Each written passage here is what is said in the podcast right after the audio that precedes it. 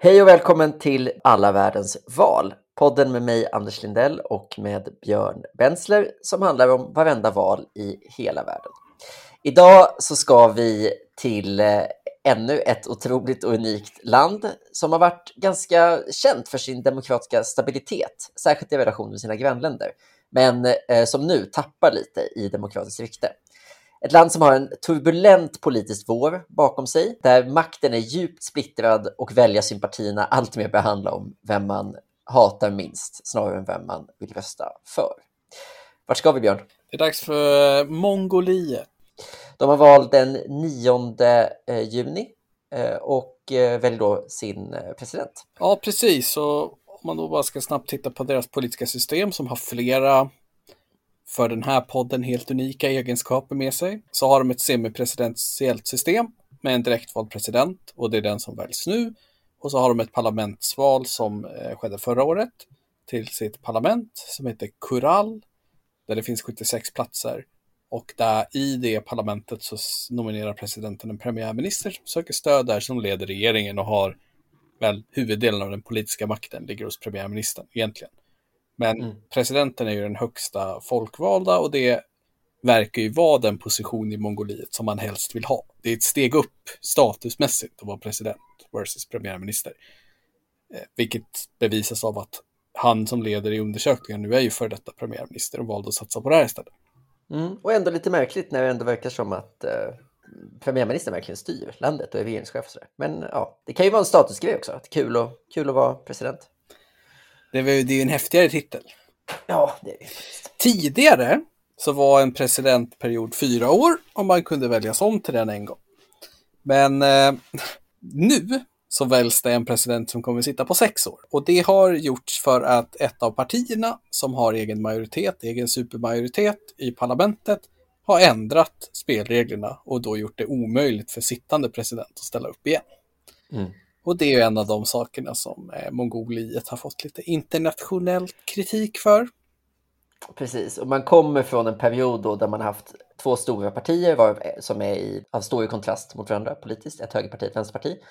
Och det, det, ena har då presidentposten och det andra har regeringsmakten. Just det. Så det, det är ju det som är bakgrunden till att man har lite stökigt. Men vi kommer väl in på allt det där. Ja, ska du dra den andra egenheten här då? Smäll? Ja, en annan rolig egenhet med, med presidentvalen är då att man måste få 50 procent av de avlagda rösterna för att bli president. Inget konstigt med det. Eh, det blir också en andra valomgång om ingen får det. Inget konstigt med det heller. Det som är lite konstigt eh, i, jämfört med sådana här system är att man räknar även alla blanka röster. Vilket innebär att det är fullt möjligt att man inte får egen majoritet i andra valomgången. Om det helt enkelt är så att en får, eh, två kandidater får 49 procent och blanka röster får eh, 2, eh, 2 procent. Då blir det ju, ja, det var ett dåligt exempel då. Om det är så att en kandidat får 49, en får 48 och att det blir 3 procent blanka röster, då blir, vinner inte den som får 49 procent, även om den har fått liksom hälften av de giltiga rösterna på giltiga kandidater utan då tas hela presidentvalet om från början. Och det här syntes inte minst, vi behöver inte prata så mycket om det, men det här var en stor grej förra eh, gången man valde president, eh, 2017. För då hade man för första gången tre kandidater som, som var liksom, eller man hade väl ännu fler, men det, var, det fanns liksom ett tredje namn som ändå fick ett gäng röster. Och eh, han valde då att istället för att lägga ner sin kandidatur eller att liksom peka på någon av kandidaterna så eh, valde han i andra omgången att kampanja, eh, vilket också då är förbjudet. Eh, man får inte kampanja eh, på det sättet. Men han valde då att försöka få så pass många blankröster att det blev, skulle bli att man skulle behöva ta om hela valet. Ja, då kanske ni som lyssnar börjar tänka att det här måste de ju bara ha gjort fel när de skrev sin konstitution. Det borde ju gå att ändra. Men nej, nej, nej. Mongoliet har ändrat sina politiska förutsättningarna för val och räknande och allt hela tiden. Mm. Eh, men de här tycker de tydligen att det ska ligga kvar. Ja, så det är ett calculated decision som man säger på engelska. Mm. Eh, vad har du på landet då, Anders, om du ska berätta lite kort om ja, men det, Mongoliet? Mongoliet?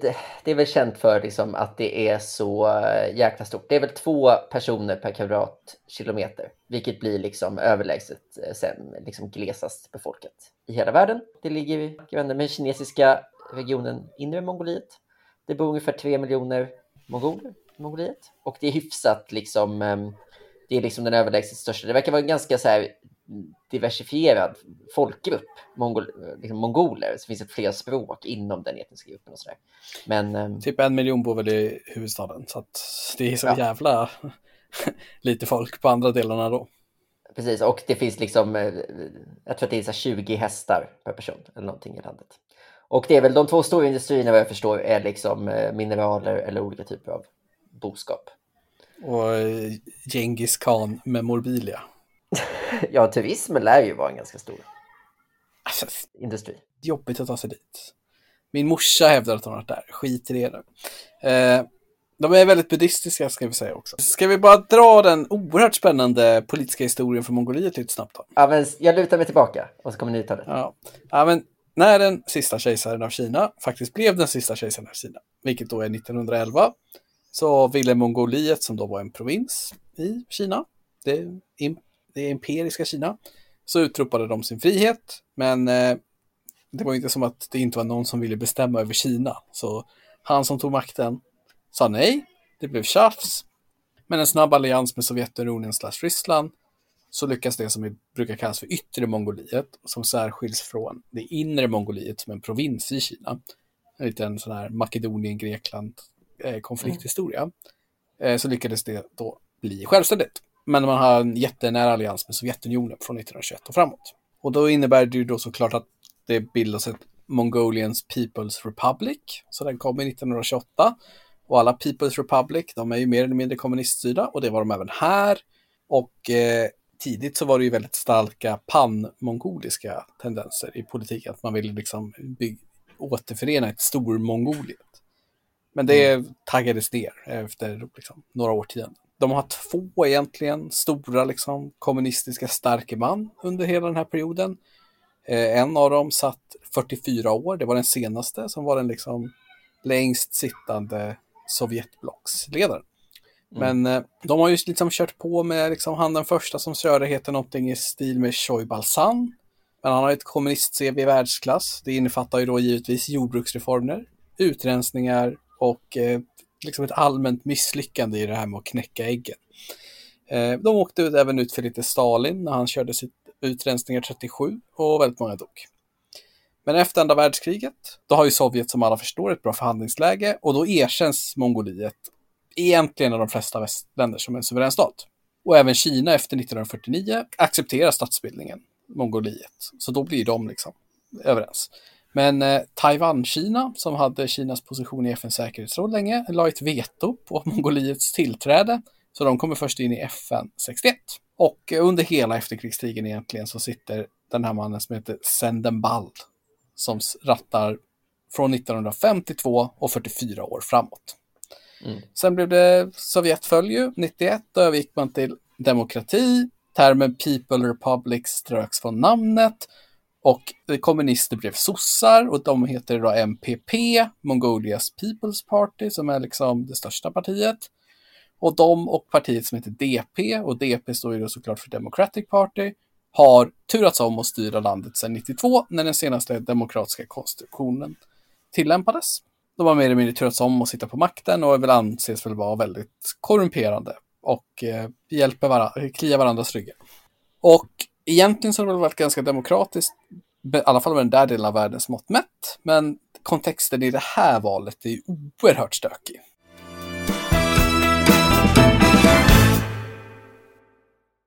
om vi har de här två partierna, då, DP och MPP, det är ju i sig en hyfsat, en hyfsat klassisk liksom, uppdelning i, i länder som har gått över från kommunism. Att du har ett, ett vänsterparti och sen ett, ett ett stort catch-all högerparti som var någon slags demokratirörelse från början. Eh, och de har, liksom, de har ju styrt allt, de har ju dominerat liksom, eh, parlamentet totalt. Det, är liksom, det har ju varierat mellan liksom, kanske en och tre andra kandidater och då brukar det vara liksom en valallians mellan liksom flera olika partier som kanske lyckas få in liksom en kandidat eller någonting någonstans. Nu tror jag att det är två sittande i, från, från något annat och en independent och en från en, en koalition av massa olika eh, partier som verkar stå lite diffust halv till vänster men ändå var opposition. Liksom I senaste parlamentsvalet då, så hade man ju 2020. Då vann det sittande partiet MPP då. MPP, ja. precis, som ju redan innan var störst. 2016 så vann de stort. Ja. Och då hade bara DP kvar nio parlamentsledamöter. Mm. Och DP satt dock då på presidentmakten. Och de ville ju då behålla den eftersom MPP skulle få all makt om de tog den. Mm. Och så har de presidentval 2017. Och då en vecka innan valet så läggs en inspelning där MPP-kandidaten, som då är talman för parlamentet, är liksom öppet diskuterar mutor han fått Mm. och vad de ska göra när de får makten och så vidare. Så vidare, så vidare. Och detta skapar ju då en politisk kokpunkt och DPs kandidat vinner då lite överraskande givet hur det såg ut två veckor innan med knappt över 50 procent av rösterna och MPP blir vansinniga. Och då går de in och ändrar konstitutionen eftersom de har en supermajoritet och gör det, skapar istället en sexårig enkel mandatperiod för en president. Det vill säga att de gör det olagligt för den president som valdes 2017 att ställa om för omval. Mm. Och han heter Batulga. Och för de här nya reglerna gäller då nu. Och den sittande presidenten har då nog svarat med att göra ett presidentiellt dekret som gör MPP olagligt som parti. Ja. Det, det här verkar inte sätta några djupare spår då inte verkar liksom, även fast han har sagt att de är olagliga så verkar Ja, inte det är vara precis, det är någonting med att konstitutionsdomstolen måste göra något. Ja, och det kanske måste stiftas en lag och så på något sätt. Men så här, de, de finns fortfarande och de kommer vinna det här valet och har all sin makt. Men de senaste åren kan man då sammanfatta med att oppositionen och makten i parlamentet har gjort det olagligt för sittande president att ställa upp igen för att han antagligen såg som någon typ av hot. Mm. Och han svarar med att göra det partiet olagligt. Och Precis. då, då förstår man ju att vissa internationella bedömare ser lite oroligt på den demokratiska utvecklingen. Ja, det får man säga. Och det här är då samtidigt två partier som, du sa oppositionen här, det är ju inte viktigt, utan det här är ju två partier som också delar på den exekutiva makten. Ja, det, Presidenten kommer ju från ena partiet och eh, MPP, då, det andra partiet, har ju en enorm majoritet i parlamentet och då också eh, regeringsmakten. Och det är ju väldigt intressant hur det kan hända. Alltså de har 62 av 76 mandat. så att de är så enormt eh, liksom stora jämförelsevis. Och ändå så har man då inte, inte presidentmakten. Och det vill man ha nu. Och en av anledningarna till att man vann parlamentsvalet, senaste parlamentsvalet vann man ju också väldigt, väldigt stort. Man hade ju kunnat tänka sig då att först vann man 16, så kom det en ny president 17, att presidenten då skulle ha med sig lite svung in i parlamentet. Men det har jag ju då inte, utan där, vann, det, det fortsatte ju vara den här, enorma, den här enorma uppdelningen så sent som nu för ett år sedan när man hade senaste parlamentsvalet. Och det är ju roligt då, för det här är ju även en ytterligare en sån här covid-timing-fråga. Att under, under det valet, alltså för ganska precis ett år sedan, då hade Mongoliet jättelåga coronasiffror. Man hade liksom en jättelåg smittspridning. Så att det sågs som en seger för då, eh, regeringen och de kunde vinna väldigt, väldigt stort. Sen gick det ett halvår och i vintras hamnade man i en situation där man istället fick, började få väldigt mycket kritik för eh, hanteringen av corona. Framför allt eh, av ekonomiska skäl. Alltså man hade hårda, eh, hårda regler utan att det fanns någon ekonomisk, liksom, några ekonomiska stöd. Man förbjöd människor i tjänstesektorn att jobba, men de fick liksom inget, ja, de hade inget alternativ, så de fick inga pengar. Så folk blev fattiga på olika sätt. Och en, eh, en så här symbol för det här blev en kvinna som eh, sågs på en video ledas ut ur liksom en förlossningsklinik eller en BB, från BB på något sätt med liksom ett litet barn i famnen mitt i natten i bara så en, en badrock och ett par tofflor in i, in i någon bil för att hon liksom skulle, skulle ut därifrån. Eh, och det gjorde att det blev stora protester där folk stod i då tofflor och badrock utanför regeringsbyggnaden och krävde hälsoministerns avgång. Och istället för att då kämpa emot det här så valde sittande premiärminister att liksom gå med strömmen och vara så här, ja, ni, har- ni har rätt, det är för jävligt. Eh, vi avgår för presidenten har skött det här så dåligt. Så att han liksom tog folkets ilska mot honom själv och styrde den mot presidenten och avgick i någon slags protest. Så att eh, han som var premiärminister under liksom hela... sen Men alltså valet, snabba är- snubbe som har gjort det olagligt för presidenten att ställa upp igen skyller på presidenten för sin egen Mm. mm. Ja, det, är, det här är ju på en egen nivå på något sätt. Mm.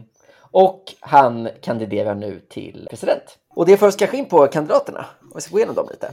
Ja, det blir svårt, men eftersom det inte finns något att veta överhuvudtaget om Demokratiska partiets kandidat som heter så mycket som, jag tänker inte ens försöka uttala hans förnamn, utan han heter Erdene i efternamn och det gick ändå att uttala. Och han från MPP som kör då, det är ju den sittande, eller den före detta premiär, mis- premiärministern. Precis. Uknagin Kurelsuk. Eller som var premiärminister och fram tills alldeles nyss. Då han eh, hoppade av. Och, eh, och då istället blev... Han är är den som leder i mätningen också kan sägas då. Ja, och han är liksom en 53-åring som har suttit i parlamentet i 20 år, så verkligen en, liksom, eh, en insider på många sätt. Han har haft massa olika ministerposter de gånger som det har varit MPP som har styrt. Jag tror att han är väldigt, han, han var känd för att vara väldigt eh, så partilojal. För du vet en grej, 90 när man liksom avskaffade enpartistaten, då var det också någon grej med att man, man om man var liksom militär så tvingades man på något sätt välja. Man skulle också avpartifiera militären. Och då var han yrkesmilitär och då valde han att liksom hoppa av mil militären för att kunna vara kvar i partiet. Det har då sett som en symbol för hans liksom, lojalitet. Och det har vi inte sagt, sagt än, att så fort man blir president i Mongoliet så måste man lämna sitt parti.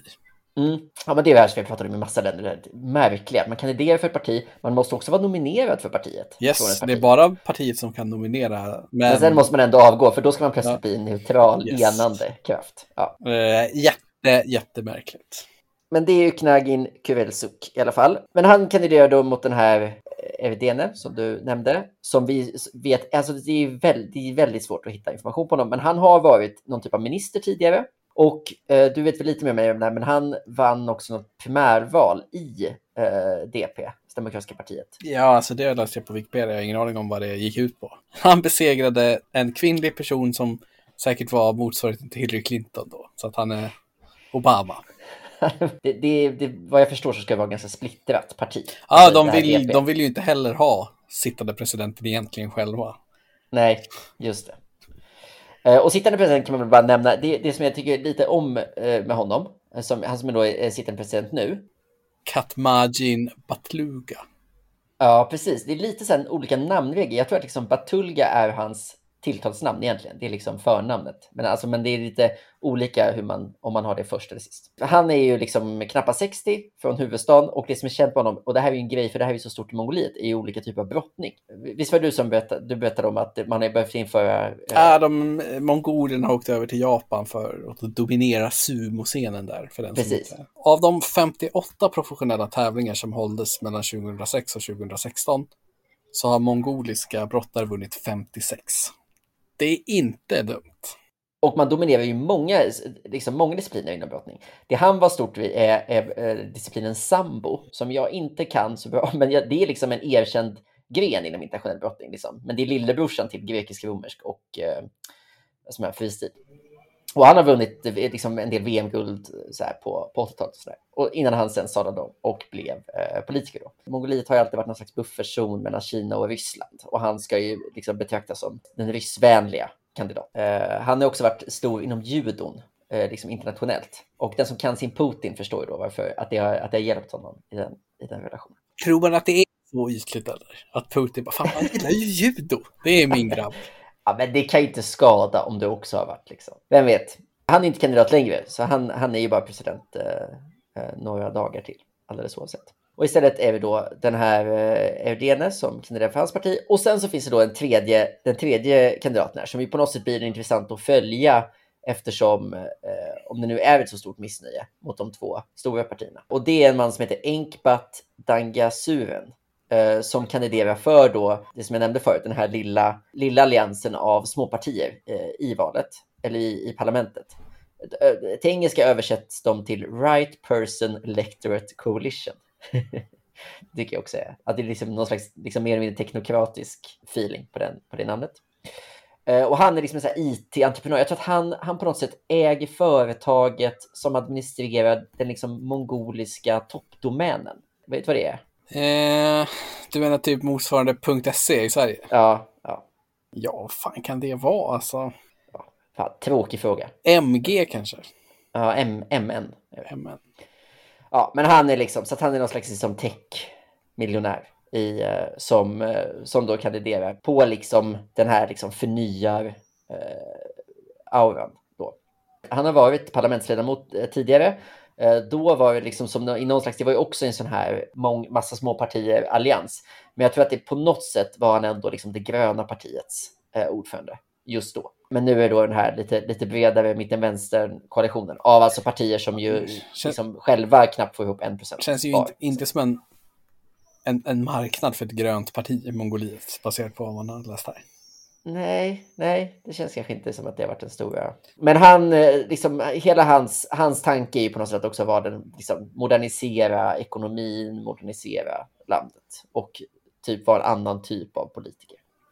Nu kommer jag göra mig skyldig till orientalism här, men är det inte lite tråkigt att menar, amerikanska och västerländska ord, liksom ordbrukare så mycket att de väljer en president? Det hade varit roligare om de valde en kan. Att det var liksom, det var så här. Det är liksom för, ja, jobba lite mer individuella men de har ju titlar. behållit det åtminstone i språk, de har ju behållit språkbruket i parlamentet i alla fall. Ja, men kan inte, det hade varit roligare om de valde en kan. Det är alltid liksom att säga, jag tycker det är för mycket som ska vara ja. så jävla västerländskt. Liksom. Till exempel, det värsta som har hänt i Sverige är att man har erkänt det vackra ordet landsting med region. Det är mordet på de liksom säregna politiska orden. Nej, eh, sorry, sidospår. Vad har vi för starka frågor då, frågar ni er i den här valen? Ja, det är lite oklart va? Ja, men coronafrågan har ju, varit, har ju uppenbart varit stor. Det är ju tråkigt att behöva säga det, men så är det ju. Ja, den är stor överallt. Vi brukar ju faktiskt ofta inte behandla den så mycket, just för att Nej. Det, är liksom, det, det, förhoppningsvis är det ju inte ett permanent inslag i landets politiska kultur. Nej, precis. Ja, men då tror jag att det är väl lite det här med, alltså det är ju som det är i många länder, det är liksom stor arbetslöshet. Korruption och arbetslös läste jag att det var unga väljares stora fråga. Ja. Ja, och sen är det ju Ryssland och Kina-relationerna säkert som kommer att stå i spel. De behöver ju mycket från den ena och den andra. Någon sa att de har, kommer att ha en energikris framöver och så vidare. Men eh, det får vi se. Eh, val i alla fall på onsdag då, det blir intressant att följa. Eh, när kommer, vad är det för val vi kommer tillbaka med nästa gång då, Anders? Ja, vi kommer ju faktiskt, eh, det här, nu vet jag det här, för vi, vårt nästa avsnitt kommer handla om Iran. Därför det har vi redan spelat in, men det kommer släppas efter det här. Så vi kommer tillbaka till valet i Iran. Jaha, okej, okay, vad bra. Mm. Vad, vad kommer vi bli efter det då? Alltså frågan är om det är Armenien då. Det är ju ett gäng liksom nyval som har dykt upp här. Ja, det får ni se på återseende. Yes, på återseende.